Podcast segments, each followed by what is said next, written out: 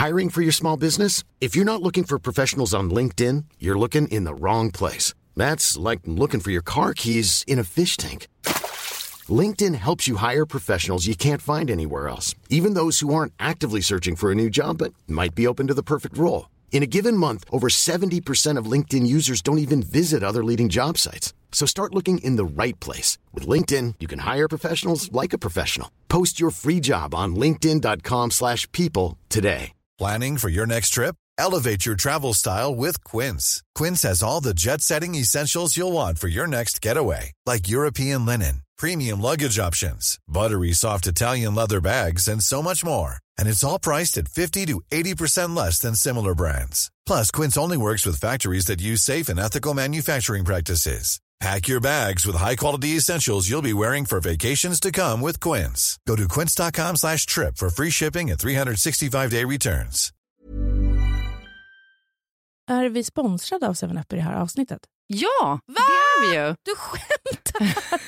Nej, men vi är jätteglada att 7up är med oss och vi pratar om 7up Zero Sugar. Det är Mm. den vi ska snacka om. Ja, det är den jag alltid kör också. Ja. Varför dricka socker när man kan undvika? Nej, men jag fattar ingenting. Nej. Om jag skulle gissa på smaken, Mm. alltså skulle du gissa att det är citron och lime? Ja, men det är ju det som är 7up. Ja, men jag vet, men jag tycker liksom att den är som en egen... Ja, jag förstår vad du menar. För att du kanske tänker mer så här, eftersom den oftast är genomskinlig då, att Mm. man tänker att det ska vara som sockerdricka. Ja, Som Pippi fick ur sitt träd typ. 7up Zero Sugar för mig är en egen smak typ. Ja. Men absolut, om de vill kalla det citron och lime så kan de väl få göra det. Nej, men det finns någonting som är liksom pigga upp som gör det fräscht också Mm. än bara från en liksom vanlig sockerdricka. Just att man får den där eh, lilla limen som Mm. liksom trycker till. Verkligen.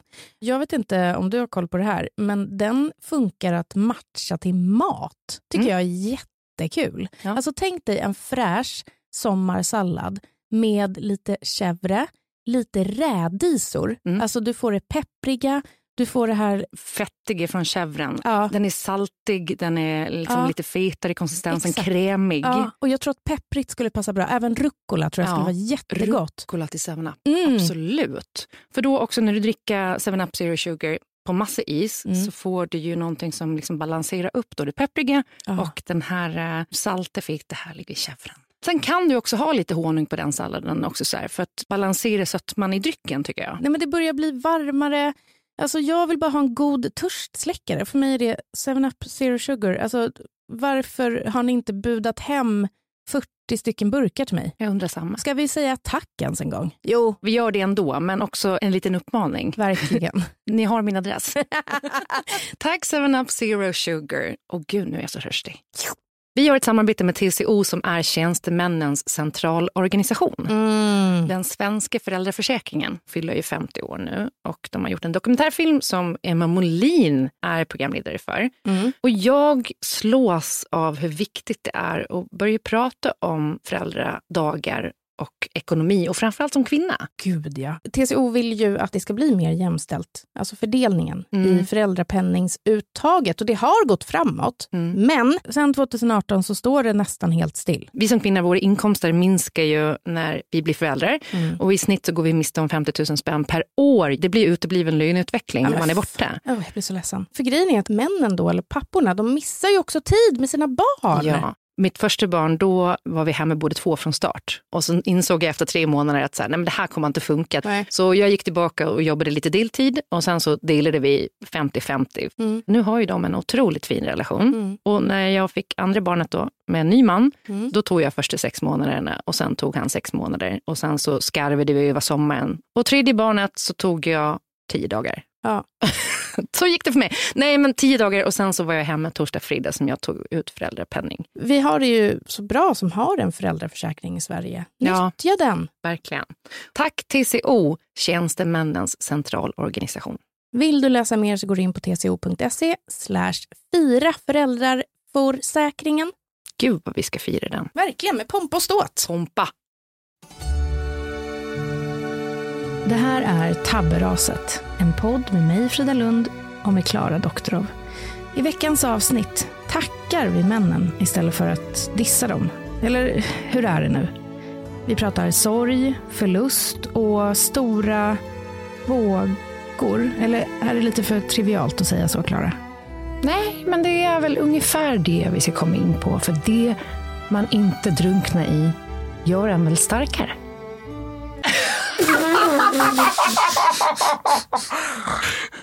alltså kan vi ha det? Det är kul. Ja, det är det. Men du glömde säga välkomna. Ja. Välkomna.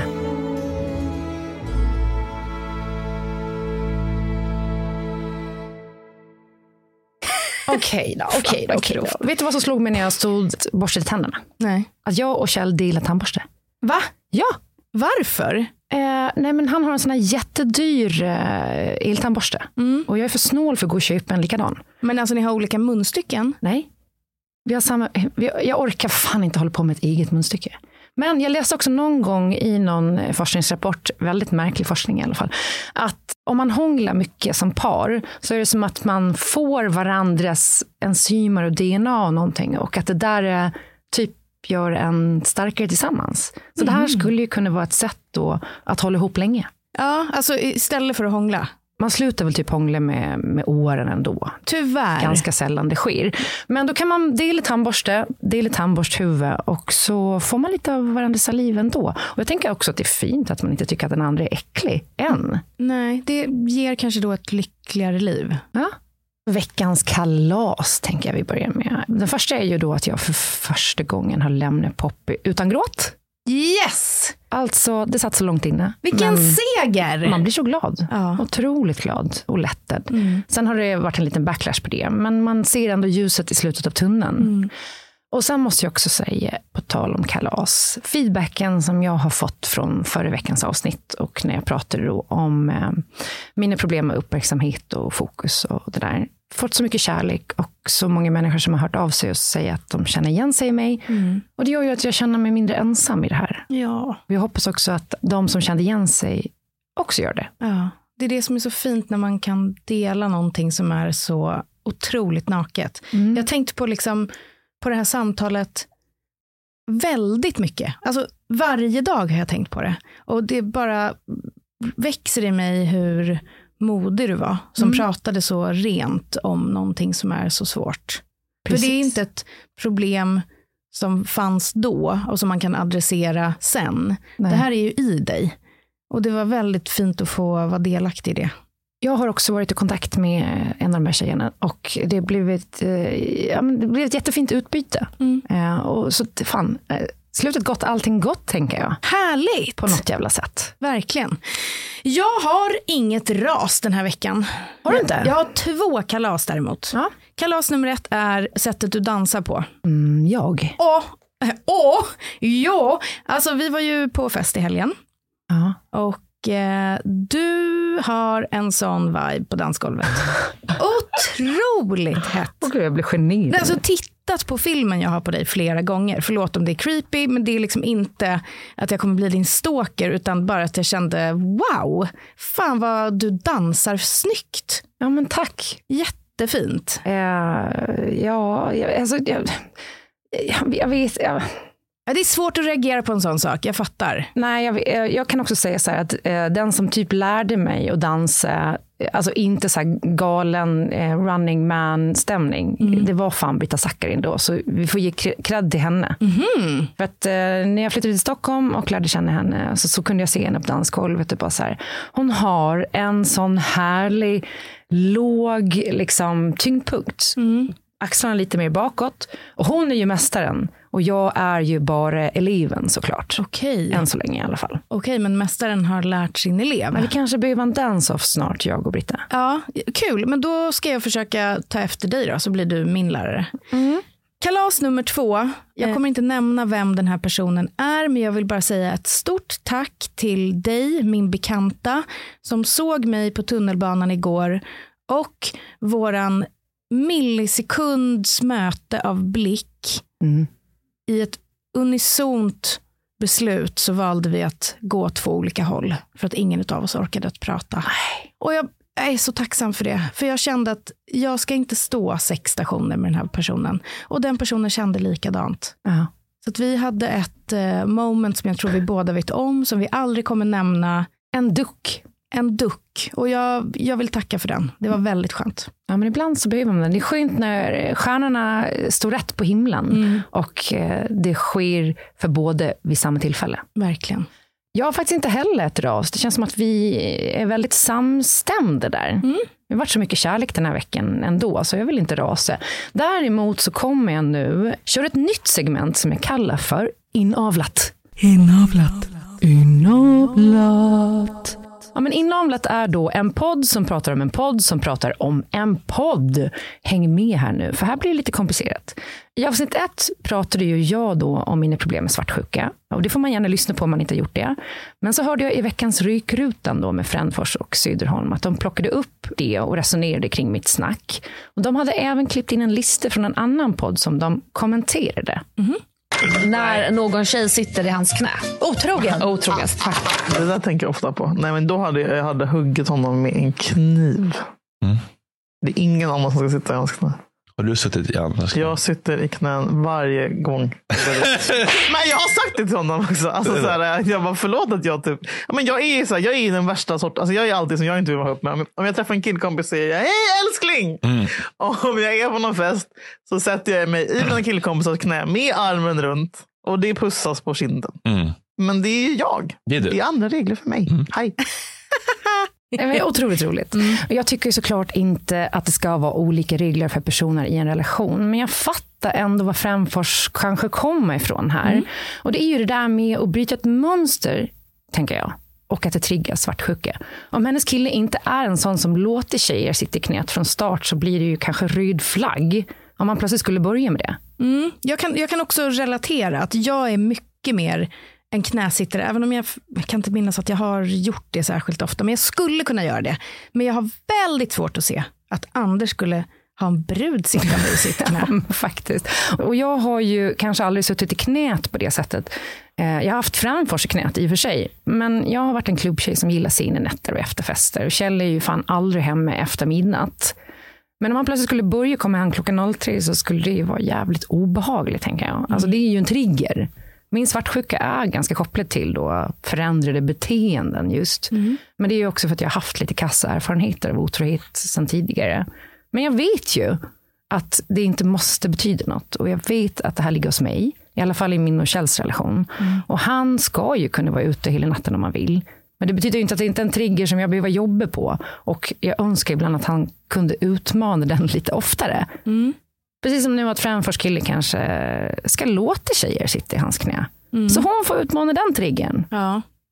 Har vi ganska svårt att tro att hon kommer utmana den hon triggern? absolut inte. nej, nej, nej. Det kommer hon inte göra. Framfors som den sista personen som kommer utmana triggers i relationer. Verkligen. Men vi älskar henne. Vi är på Moa Gammens födelsedagsfirande och alla ska gå vidare från det här stället då och liksom köra karaoke på Södra Teatern. Mm. Och jag bokade en taxi och eh, man vill ju såklart fylla upp bilen. Så vi grabbar liksom tag i två random killar där på gatan som vi inte känner och inte har träffat förut. Och satte oss i bilen och ingen lyckades få på sig bältena. Det tjuter eh, genom halva stan på riktigt ja. från olika bälten som inte är eh, iklickade. Och en av de här killarna som vi har lyckats få in i bilen då är en eh, väldigt känd svensk artist. Mm. Och han börjar prata. Alltså, han pratar. Babbel, babbel, babbelfest. Och han säger också att han får höra att han pladdrar mycket. Mm. Det är ganska kul vid det här laget. Ja. Det blir ju som ett running gag då. Verkligen. Han kan inte sluta prata. Nej, och vi andra tre tittar på varandra. Ja. Jag sitter i framsätet och är vänd bakåt och du sitter i mitten mellan de här två killarna. Mm. Liksom lite inklämd.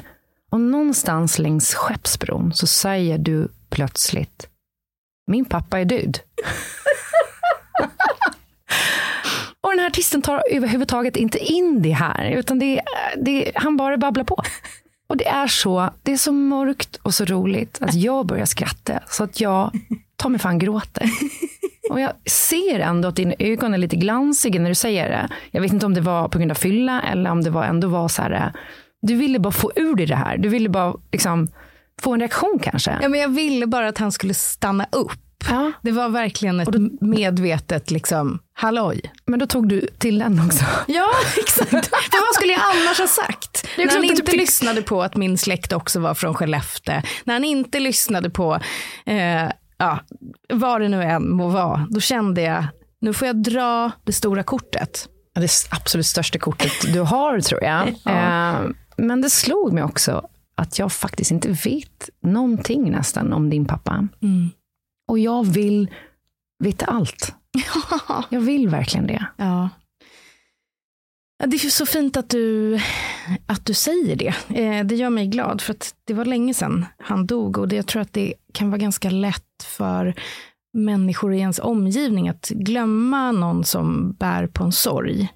Och det är inte heller ens kompisars jobb kanske 14 år senare och tänka på det så mycket. Men ja, jag, jag kan i alla fall uppleva generellt att folk är lite dåliga på att våga fråga saker. Ja, men det finns ju en beröringsskräck i det här. Mm. För jag kan också märka eh, när jag umgås med vänner som har en förälder som har gått bort, att istället för att ta tjuren vid hornen mm. så eh, undviker man. Det är nästan så att jag, i den här podden har jag pratat om att min mamma lagar det här. Istället för att säga så här, min pappa lagade det här. Nej, men... För jag tänker att jag vill inte jag vill inte vara så här, fan jag har en pappa och det har inte du. Nej, men alltså, gud, men, men jag tror, jag tror fan att folk ändå tänker lite så. Ja. Och det blir en beröringsskräck istället för att man var så här, fan, eh, vi pratar om det istället. Mm. Men min pappa var verkligen min eh, bästa vän. Det var så. Han hade det. Alltså vissa människor har det. Och med det menar jag, typ när ens barn har varit busiga och kommer fram till en så har de en speciell blick. Mm. Eh, och den hade min pappa. Eh, och mamma, när hon pratar om honom så säger hon alltid att hon saknar buset. För han var så jävla busig. Han hade liksom alltid grejer för sig. Han kunde stå innanför dörren när man kom hem och så här, stå och vänta för att bara sträcka fram en hand och så här, ruff, du vet. Så att man liksom blev skräckslagen. Skrämde min mormor som var 70 så att hon nästan fick en hjärtattack. Och i sociala sammanhang så skämtade han och man skrattade så mycket med min pappa. Eh, och han växte upp på Söder på Brännkyrkagatan med en mamma och två systrar och ingen pappa. Han var liksom en bastard. Mm.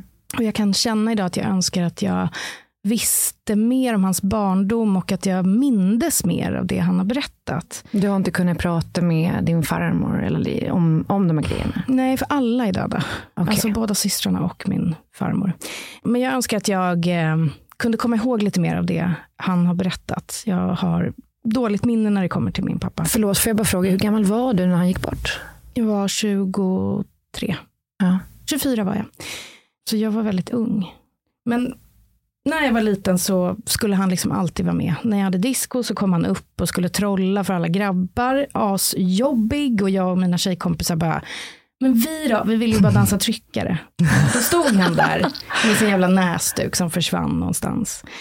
Och han var så snäll min pappa. Han körde mig överallt. Han kunde nästan bli dumsnäll. När vi liksom skulle gå på bayern matcher så skulle han alltid bjuda rundor fast han kanske inte hade råd egentligen. Generös. Väldigt generös. När jag blev ung vuxen så hittade vi tillbaka till varandra efter det här stora liksom, tonårsuppehållet när man ska klippa navelsträngen. Och vi hade våran grej, jag och min pappa. Vi satt alltid på varsin sida i kökssoffan nere i Skarpnäck. Benen inlindade i varandra. Och där kunde vi prata. Vi pratade om livet, vi pratade om killar och om saker som var på riktigt. Jag kan bara se framför mig att pappa sitter och pillar frenetiskt på en penna och jag sitter och river sönder ett sudd som jag liksom smyger ner på golvet utan att bry mig. När jag flyttade hemifrån så ringde han mig varje dag och när jag jobbade nära hans jobb på Igeldamsgatan där du har bott, mm. Klara, mm. så kom han förbi ofta spontant. Han kom förbi så lämnade han små lappar till min kollega och med, med små skämt på. Och när jag var 22 så blev han sjuk. Och det satte hela mitt liv i ett nytt ljus. Mm. Eller jag kanske ska säga mörker. Det var januari 2007 och jag visste att de skulle få beskedet.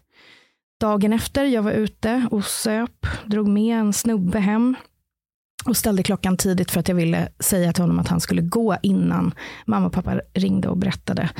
För det fanns ju en oro att svaret vi skulle få inte skulle vara så bra. Mm. Men jag sov igenom min väckarklocka, vilket nästan aldrig har hänt. Så när det ringde så låg han där bredvid mig. Och jag bodde på 17 kvadrat, jag hade ingenstans att gömma mig. Och jag svarade och jag minns att jag tryckte mig mot väggen, alltså som att den skulle kunna svälja mig och ta bort mig på något sätt. På kvällen så kom alla mina vänner hem till mig, satt där i soffan, rökte sig och bara var. Och jag var så ung. Jag var bara 22. Och det är nästan liksom romantiskt ungt och naivt, men det var januari, snön föll, mina vänner gick hem och jag öppnade fönstret för jag tänkte att kylan skulle liksom frysa bort mm. sorgen i mig. Sen var han sjuk i ett och ett halvt år innan han i maj 2008 dog. Helt framför mig. Mm. Och efter det så blev liksom inget någonsin helt igen. Jag har ärvt jättemycket från min pappa. Ryggproblemen, insomnian. Men jag har också ärvt civilkuraget och att vara snäll. Jag vill tro att det är jag. Och, och buset skulle jag säga. Vad fint. Och när jag funderade på det här så dök det upp någonting som jag inte har tänkt på på väldigt många år. Det var att jag hade en kille under den här tiden. Någon annan än han som du hade dragit med hem? Ja, det här var liksom lite eh, efter det. Han var, han var ju sjuk i ett och ett halvt år, så ah, vi träffades ja. någon gång där. Mm. Och jag tror inte han brydde sig alls. Det var så konstigt, för att jag eh, pratade aldrig om pappa. Han frågade aldrig, fast vi jobbade tillsammans. Aldrig? Aldrig. Han frågade aldrig. När jag berättade datum för begravningen efter pappa hade dött, så sa han att han inte visste om han kunde, för han hade ett möte den tiden. En månad efter begravningen så gjorde vi slut när jag tog med honom upp till Norrland till min släkt och råkade duka en extra tallrik till pappa. Och efter det så skulle vi gå och sova och då bröt jag ihop och då somnade han liksom rakt i min gråt. Mm. Jag sov mycket hos mamma och pappa eh, sista tiden innan han dog. Och jag upplevde något som jag sen har upplevt med barnen. Och det var första gången då den här eh, totala liksom, paniken och den starka instinkten att kolla om någon andas. Mm. Jag tittade på hans bröstkorg varje morgon när jag kom ner. Eh, han hade hemsjukvård för han ville väldigt gärna dö hemma. Och det där har jag sen sett när jag tittat på mina barn när de varit spädbarn. Att man liksom bara snabbt måste kolla om de andas. Mm. Rör sig bröstkorgen. Och det var väldigt speciellt sista veckan innan han dog. För att då pratade han med mig och mamma och sa att nu är det över. Jag kan inte mer. Jag orkar inte mer.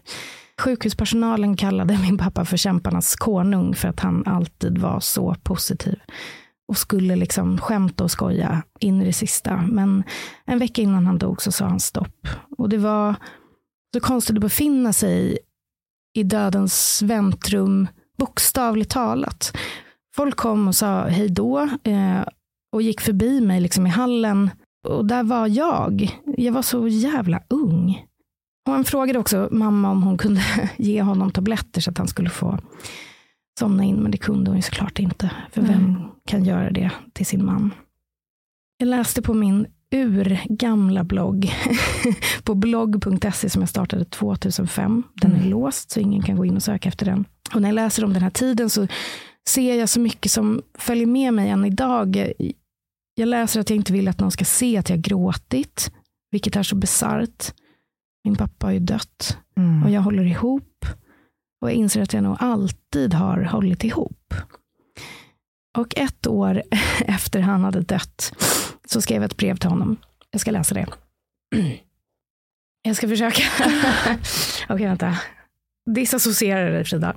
Nej, gör inte det. Nej, du jag... måste sluta göra det. ja, det är sant. Just det, det är det jag inte ska göra. Du, du behöver fan inte vara stark. Nej. Någon gång måste du få sluta vara det också. Mm. Det här är då årsdagen efter han dog. Hej pappa. Vi ska åka och hälsa på dig idag. Jag och mamma kommer. Jag ska ta med en påse Polly. Jag tänkte inte berätta det för dig, för det skulle vara en överraskning, men du vet ju hur jag är. Du om någon vet ju hur jag är. Mm. Vi kommer åka bussen från Gullmarsplan en stund och jag längtar efter dig jättemycket. Jag längtar att vi ska sitta i solen och sen jämföra solbrännan. Du är ju alltid brunare än jag. Men nu har jag ju varit i Australien, så jag har kanske en grund som du inte har. Då kanske jag vinner. Fast jag tror inte det. Det känns i hela kroppen att det var ett år sedan. Ett år sedan vi klappade dig på armen och sa släpp taget nu. Det var ett år sedan du tog dina sista rosslande andetag och ett år sedan frågade mamma varför dina ben var så blå. Jag kan inte sluta sakna dig. Jag är inte arg längre, det lovar jag. Jag var arg ett tag, men det är slut. Nu är jag bara ledsen. Och jag tänker på det pappa. Hur ska det bli när jag blir stor? nu är jag liksom där, det är så jävla sjukt. Hur ska det bli utan en pappa som kan hålla mig i handen? Och utan en morfar om jag bestämmer mig för att skaffa barn. Något saknas hemma hos mig. Din hand på dörrhandtaget till balkongen och du i min soffa. Allt nytt som händer får inte samma betydelse. Kanske tycker du att jag ska släppa taget nu. Det har gått ett år, ett helt långt år. Men jag är glad och sånt jätteofta. Jag hade kul i helgen till exempel när jag hade inflyttningsfest. Då är jag glad. Men du fattas mig. Och jag älskade dig. Eller älskade, så har jag inte skrivit förut. Älskar dig. Och jag undrar om du ser mig. Om du finns någonstans där ute på riktigt liksom. Och inte bara, jo, men han finns överallt och bla bla bla. Jag undrar om du ropar på mig men jag inte hör. Och om du står med armarna utsträckta så försvinner jag genom din kram. Tänk om du försöker visa mig att du är där och så märker inte jag. Förlåt om du blir frustrerad och är ledsen att du inte kan trösta mig, men jag ser inte dig. Sånt tänker jag. Ja. Nej, men det är ju helt jävla... Ja. Herregud. Fan. Jag får ofta frågan om sorg.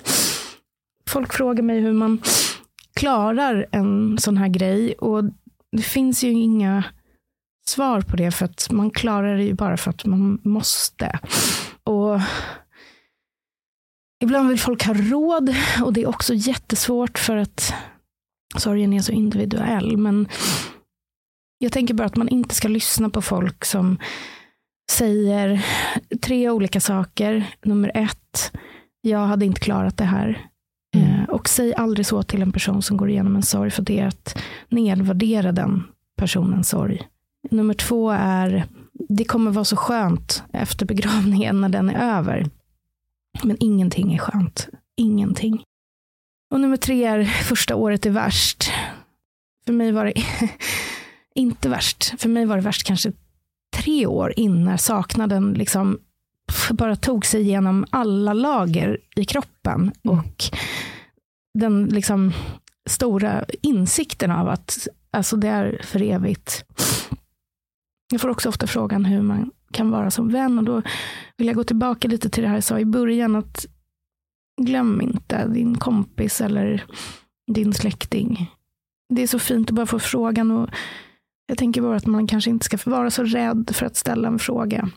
Och är någon i din närhet i sorg, säg inte ska jag komma hem till dig.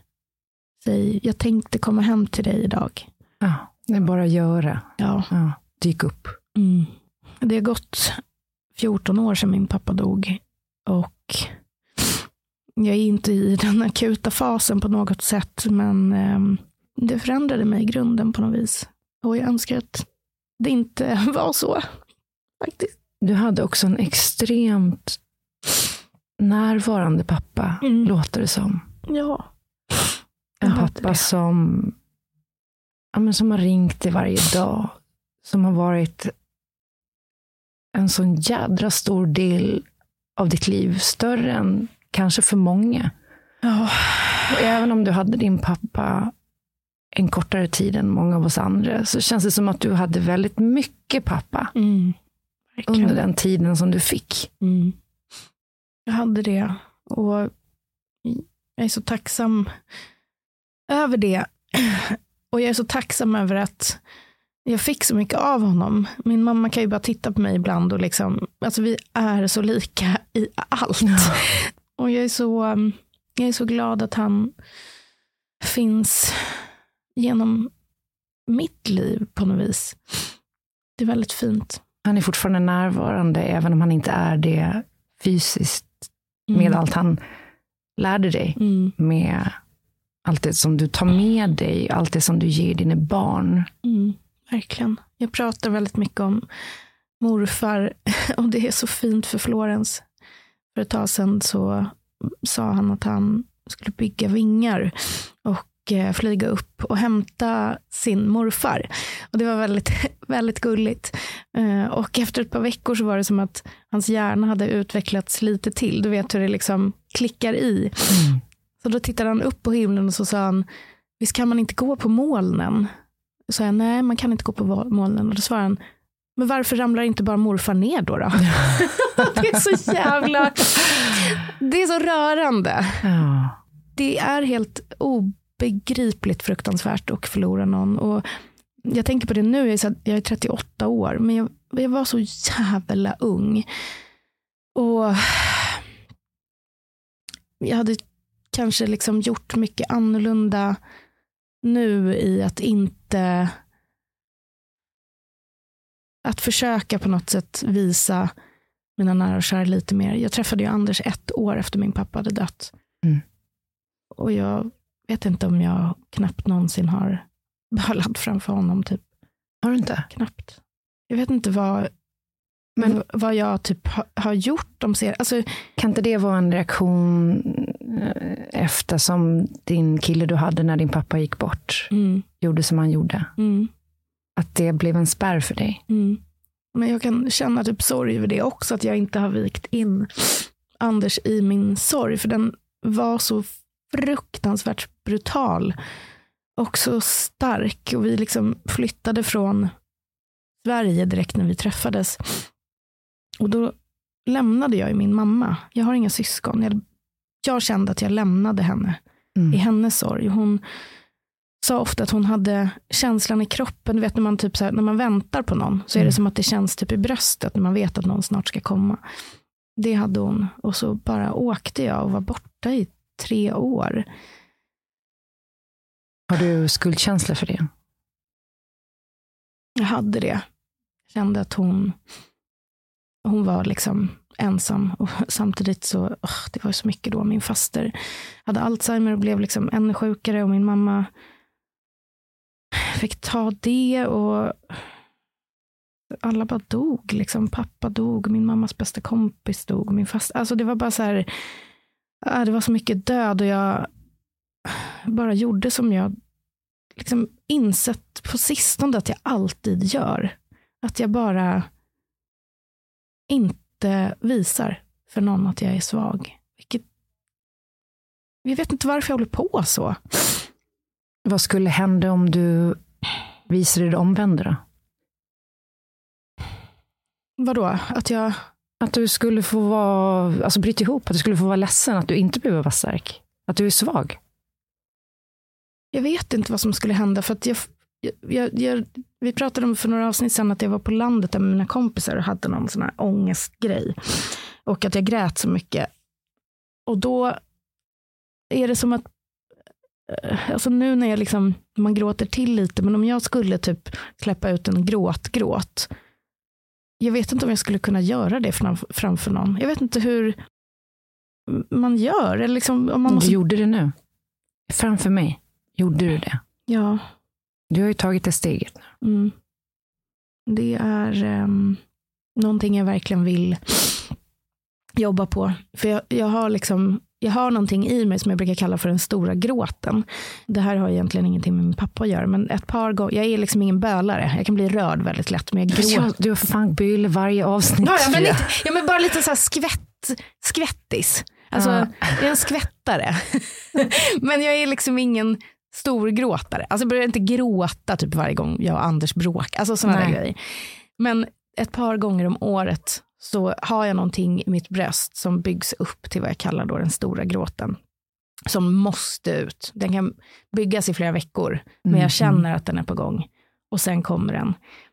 Men om den, den skulle jag ha väldigt svårt att, liksom, för då gråter man ju med ljud. Alltså det är skillnad att liksom sitta så att man, det rinner lite tårar. Och man Men vad gör du då? Går du ut i skogen då som en hund som ska liksom föda valpar? Nej men du vet, de går ut och gömmer sig. Ja, eh, ja, men jag ser till att vara själv. Men testa det då nästa gång.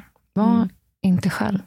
Nej. Välj vem du vill. Jag vill ju eh, ge, jag vill ju känna, jag tycker väldigt mycket om att krama människor när de gråter eh, och klappa på dem när de gråter. Och jag eh, ska verkligen försöka tillåta mig själv att bli kramad på eh, när jag är ledsen utan att göra någon så här, jag, jag kan liksom bli lite, woho, diddly-doo, oj, lite börja steppa och typ göra någon liten Om riverdance. någon gör det för dig ja. Mm. och ger dig. Jag håller också på och jobbar på det här Mm. hos min psykolog och det är svårt men Får jag fråga en grej angående det? Har du pratat eh, med din mamma om det här? nej, Aldrig?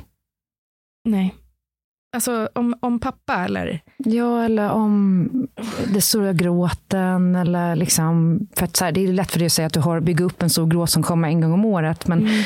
det är klart att, även om du säger att det inte beror på din pappa, det är ju en del av det. Mm.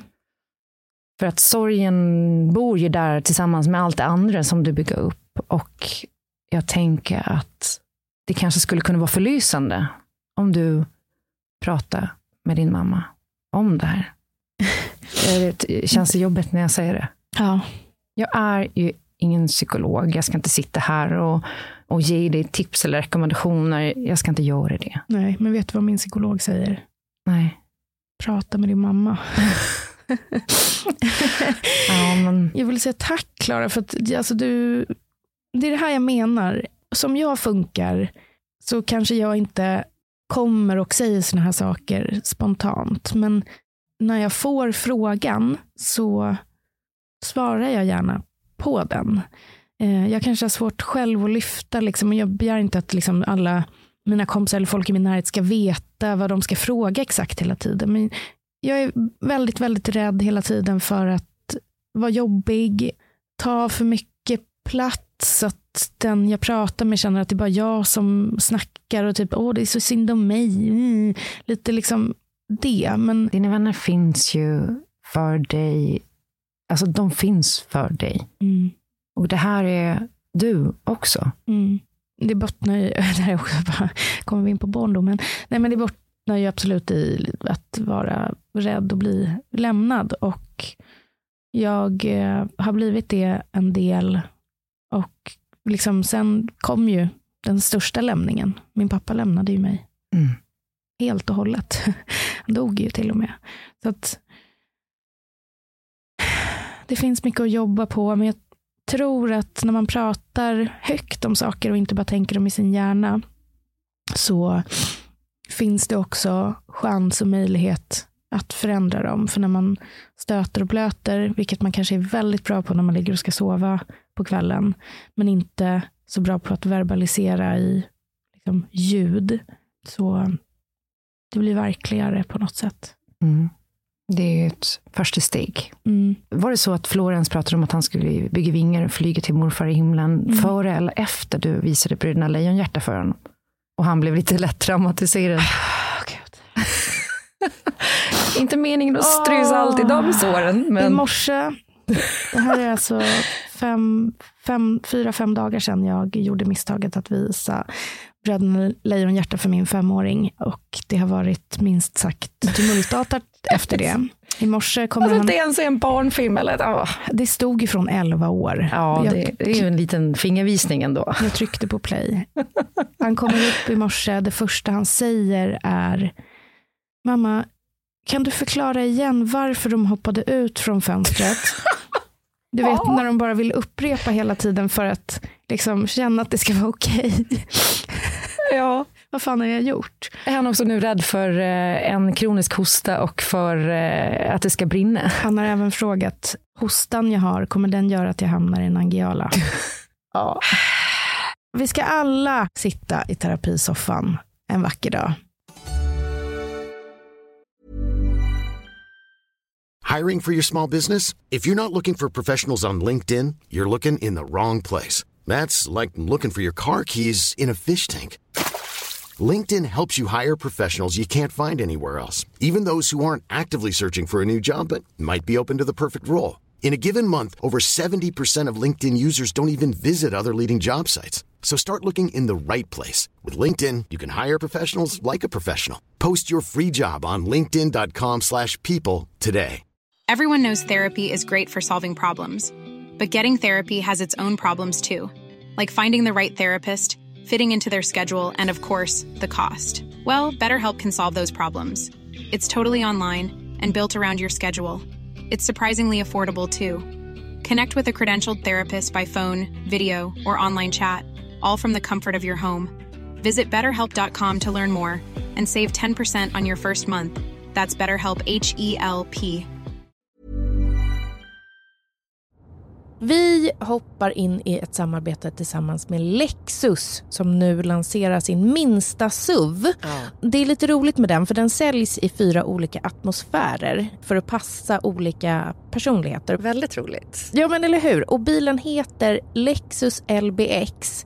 Och jag vill också säga och vara väldigt tydlig med att även om den är liten så har den ju det japanska arvet, hantverket och alla exklusiva detaljer som alla Lexus-bilar har såklart. Ja. Det roliga med Lexus är att det du har i din bil säger mycket om vem du är som person och de vill utforska det Ja. och göra What's in my car edition, alltså den här gamla goda What's in my bag. Ja. Och vi ska tillsammans med Dumma människopodden utforska det här. Alltså vi ska visa och snacka om vad vi har i våra bilar och så ska dumma människor analysera det. Det är ju skitkul. ja. Och pinsamt, eller? Kanske lite pinsamt. Ja, för jag tänker liksom, är det jag? Alltså det jag har i bilen, är det jag? För det är nog inte så bra. Jag kan liksom känna lite samma sak men jag tror också att folk kommer att bli chockade över vad jag har i min bil sett till hur jag kanske framställer mig i övrigt som människa. Så att det är spännande faktiskt. Innan vi kommer in på vad vi har i våra bilar så måste vi prata om att då igelhybriden Lexus LBX har olika atmosfärer så att man kan liksom beställa beroende på sin personlighet. Och de atmosfärerna som finns att välja mellan är elegant, relax, emotion och cool. Vilken tänker du spontant passar dig bäst? Jag vill vara en cool, Ja. men jag tror att om jag ska köra bil så bör jag vara en relax. Ja. Jag är beredd att hålla med med tanke på att jag har sett och hört din road rage.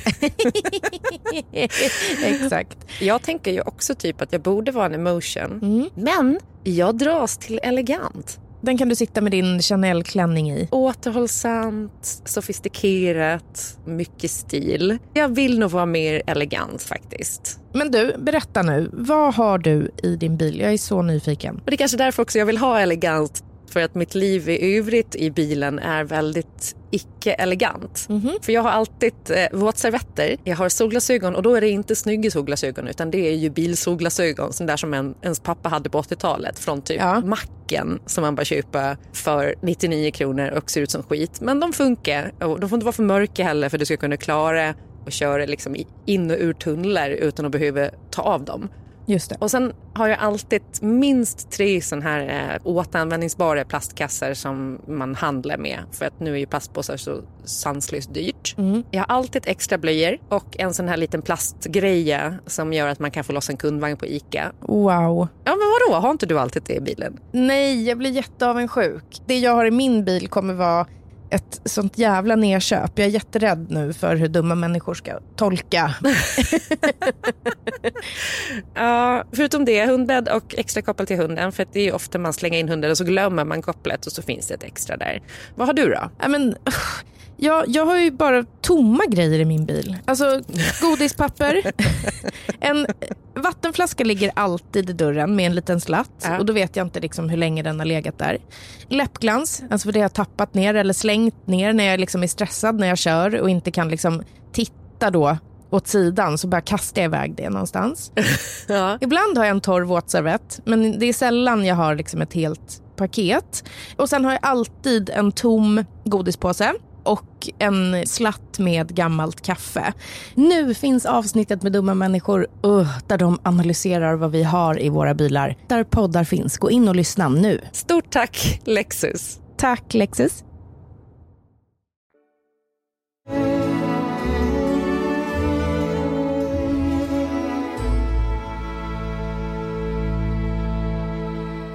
Jag känner att det är lite svårt att brygga över nu från det här till att vi ska prata om män som spanar in kvinnors ruvar. Mm, För som, det var det vi hade tänkt. Precis, vi kommer nog behöva lägga det in nästa veckas glädjepodd. Ja.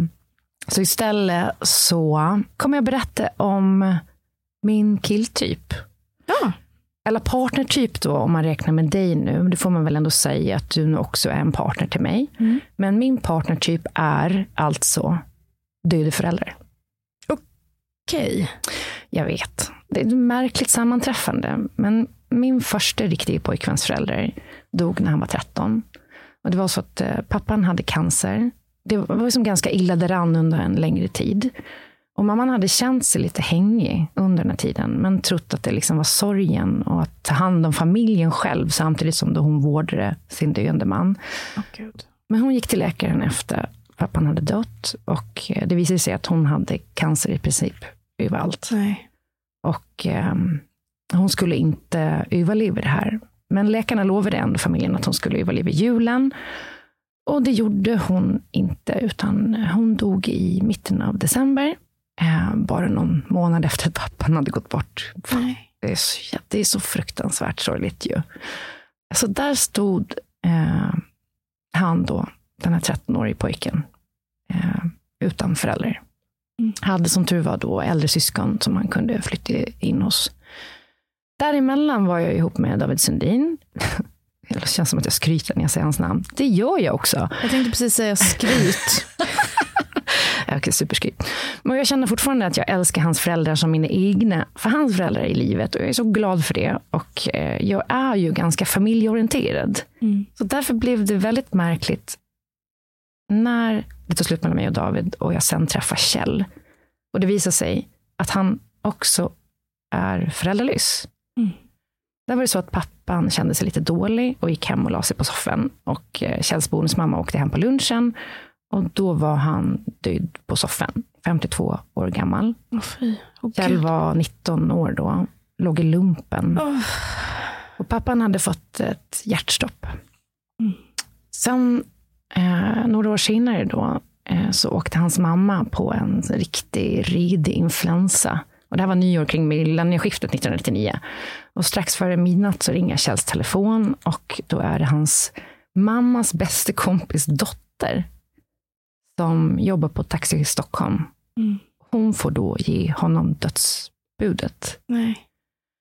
Hon berättar att mamman är död och eh, att hon då har lyckats lösa en taxi mot alla odds så att han kan åka hem till Illerstigen i Märsta där mamman bodde då eh, med sin eh, nye man. Mm. Och när han kommer hem så går han in till mamman som fortfarande ligger i sängen. hans, en av hans lilla systrar då har gjort fint hos henne med blommor och levande ljus. Och han lägger sig bredvid henne och håller om henne och gråter. Mm. eh, jag tror hon var 60 år gammal eh, då. Eh, det slutar tyvärr inte där. Några år senare så åker Kjells pappa till Thailand med sin nya flickvän. Och de är på stranden och han ska ta en simtur. Och han kommer inte tillbaka. Den här gången så är det Kjell som får vara den som åker till lilla systern och berätta att hennes pappa har drunknat och att hon nu också, precis som han, är föräldralös. Mm. Grejen är den att jag hade också kunnat vara föräldralös idag. Eller, det känns jävla konstigt att säga föräldralös, för att en död förälder är också en förälder. Mm. Men det här med föräldrar och för tidig död är väl tydligen någonting som förföljer mig lite grann. Mm. Och det är väl också kanske därför jag tycker att det är viktigt nu att ta vara på liksom, den tiden man har. Och när det värsta händer, att man fortsätter prata. Mm. Att minnas och dela med sig.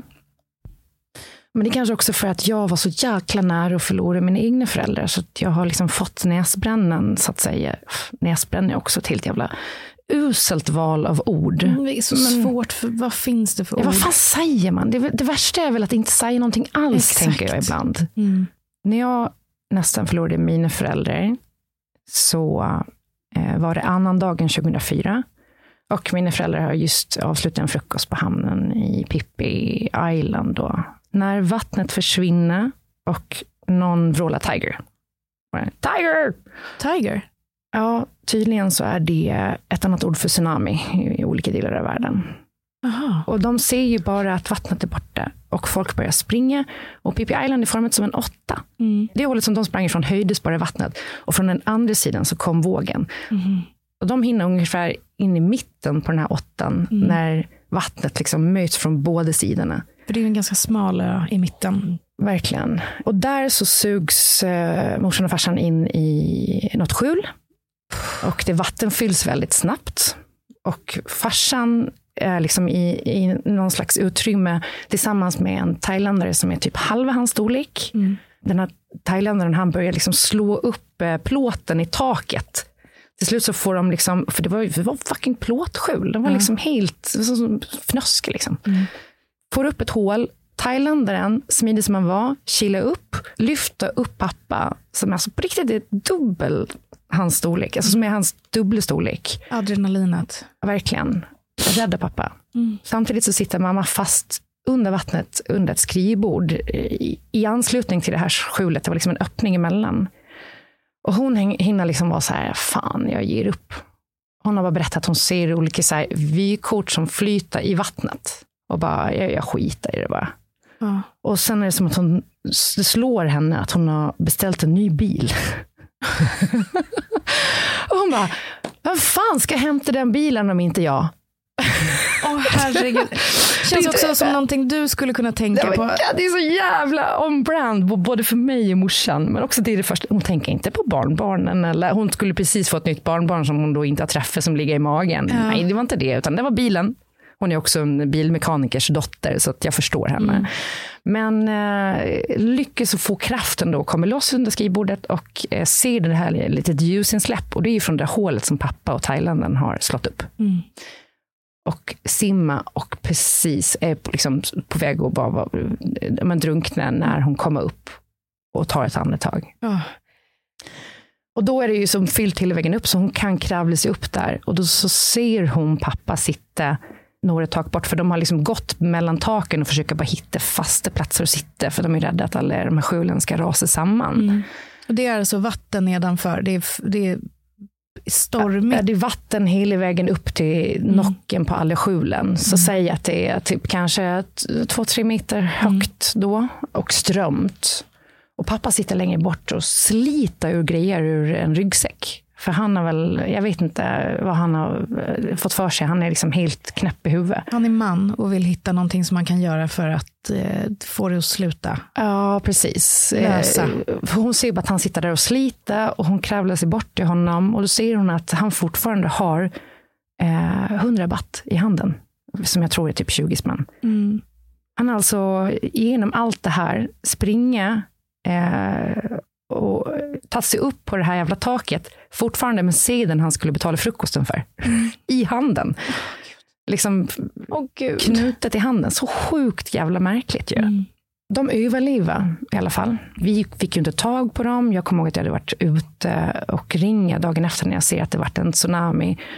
Eh, När jag vaknar bakis och jävlig, lägga mig i mamma och pappas badkar, för jag är hemma i deras lägenhet då, när de är bortresta.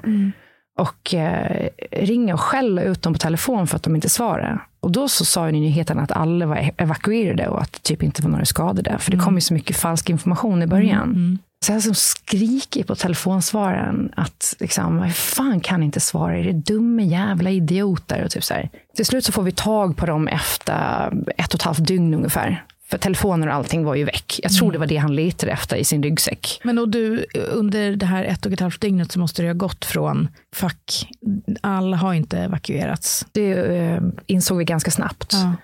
Och ehm, ja, jag måste säga att de här dygnen är nästan borta för mig. Jag kommer inte ihåg mycket alls. Det var så traumatiskt. Jag kommer bara ihåg hon, eh, vad fan hette hon? Lotta. Lotte Knutsson Lottie på Knutsson. fritidsresor. Typ. Precis. Alltså hon som var den enda man liksom kände så här, eh, Ja. sa det man behövde höra. Men i alla fall så um, klarar de sig och hälften av alla som var på Pippi Island den här dagen dog. Mm. Och det har förföljt mina föräldrar ganska mycket, tankarna på varför de fick överleva och andra inte. Men på sätt och vis så har det här ju in i vårt familj gjort oss starkare tillsammans. Vi fick ju en till chans. Och jag tycker att vi är väldigt bra på att ta vara på den. Och när morsan fyllde 50 samma år så samlade hon in pengar till Pippi istället för presenter. Och de åkte tillbaka. Och, Modigt. Alltså roligt också, för farsan säger alltid att en Svensson betalar alltid sina skulder. Så första stoppet var absolut att gå tillbaka till stället som de hade byggt upp igen då, Ja. där han köpte frukosten. Och bara så här, guys, jag måste betala för min springnot. Bearbetning pågår. Ja, här är, liksom, här är 100 baht plus och så var det en del av deras insamlade kassa som de gav till dem. Och sen är det så jävla sjukt för eh, där på den här eh, huvudgatan hittade han sen mot alla odds den här thailändaren som räddade honom ur det här skjulet. Ja. Och han frågade om thailändaren minns en svensk och lite tjock man som han räddade ur ett skjul under tsunamin. Och mannen säger yes, a man with no hair. och pappa tar av sig kepsen och thailändaren shootar It's you! Och så förenas de i en kram. Ett extra lager till den här eh, storyn är att eh, min farfars far dog på annandagen. Farfar dog på annandagen.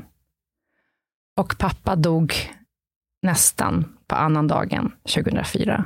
Så nu skålar pappa i sin dyraste jävla whisky för varje gång han har vaknat upp efter en ny annan dag och överlevt. Och ja, ja, inte på morgonen då, han är ingen jävla lodis. Liksom. Nej, nej. Men, men ändå, Ja. så jag känner ännu mer efter det vi har pratat om idag. Och det du delar med dig som är så starkt och så fint. Och jag tror också så viktigt för många som befinner sig i sorg nu att höra. Mm. Jag tänker att vi avslutar med ord från eh, brudgummens far från bröllopet i Venedig som jag var på för några veckor sedan. Och han avslutar sitt tal med att säga älska, älska, älska. Allt annat är ingenting. Gud. Jävla fint. Åh gud. Åh gud. Åh. Mm. Ja, men nästa vecka då får vi fan, eh, då, då är det slut på Gråtpodden. Det kommer ta minst en månad till innan vi gråter tror jag. Ja, fan, då, då får vi köra lite rappt och roligt och det blir eh, mens, eh, liksom, Det blir mens. Jag skojar. eh, nej, men det, nej men hur liksom män är så jävla enkla personer som kollar in röven på tjejer. Det är så Ja. mysigt att de liksom inte har några hjärnceller. grottmongon på ett sätt. Ja, verkligen. Fortfarande. Mm. I liksom ett civiliserat samhälle så är de fortfarande djuriska på ett sätt Mm. som, ja, det får i alla fall inte att gråta. Eller får det det kanske? Oj, ja, dit ska vi inte gå. Men jag är uppmanar till mer titt på rövar och mer tafsning. Men det kan vi också prata om Ja. nästa vecka. Det, ja, jag är intresserad på hur du ska, hur du ska få in det på ett icke... Problematiskt sätt. Jag vet, jag kommer kliva utanför metoo om vi säger så. Vi hörs då. In och följ oss på Instagram. Ni får jättegärna höra av er med synpunkter på det här avsnittet. Vi älskar er. Puss och kram! Puss och kram!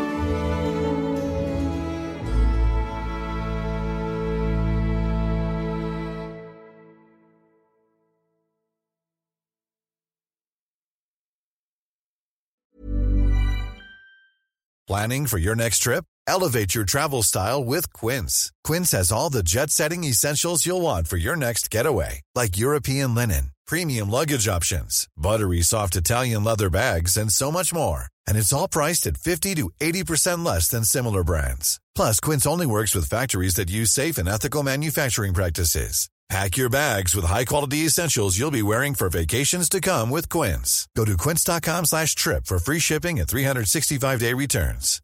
Hi, I'm Daniel, founder of Pretty Litter. Cats and cat owners deserve better than any old fashioned litter. That's why I teamed up with scientists and veterinarians to create Pretty Litter. Its innovative crystal formula has superior odor control and weighs up to 80% less than clay litter. Pretty Litter even monitors health by changing colors to help detect early signs of potential illness. It's the world's smartest kitty litter. Go to prettylitter.com and use code ACAST for 20% off your first order and a free cat toy. Terms and conditions apply. See site for details.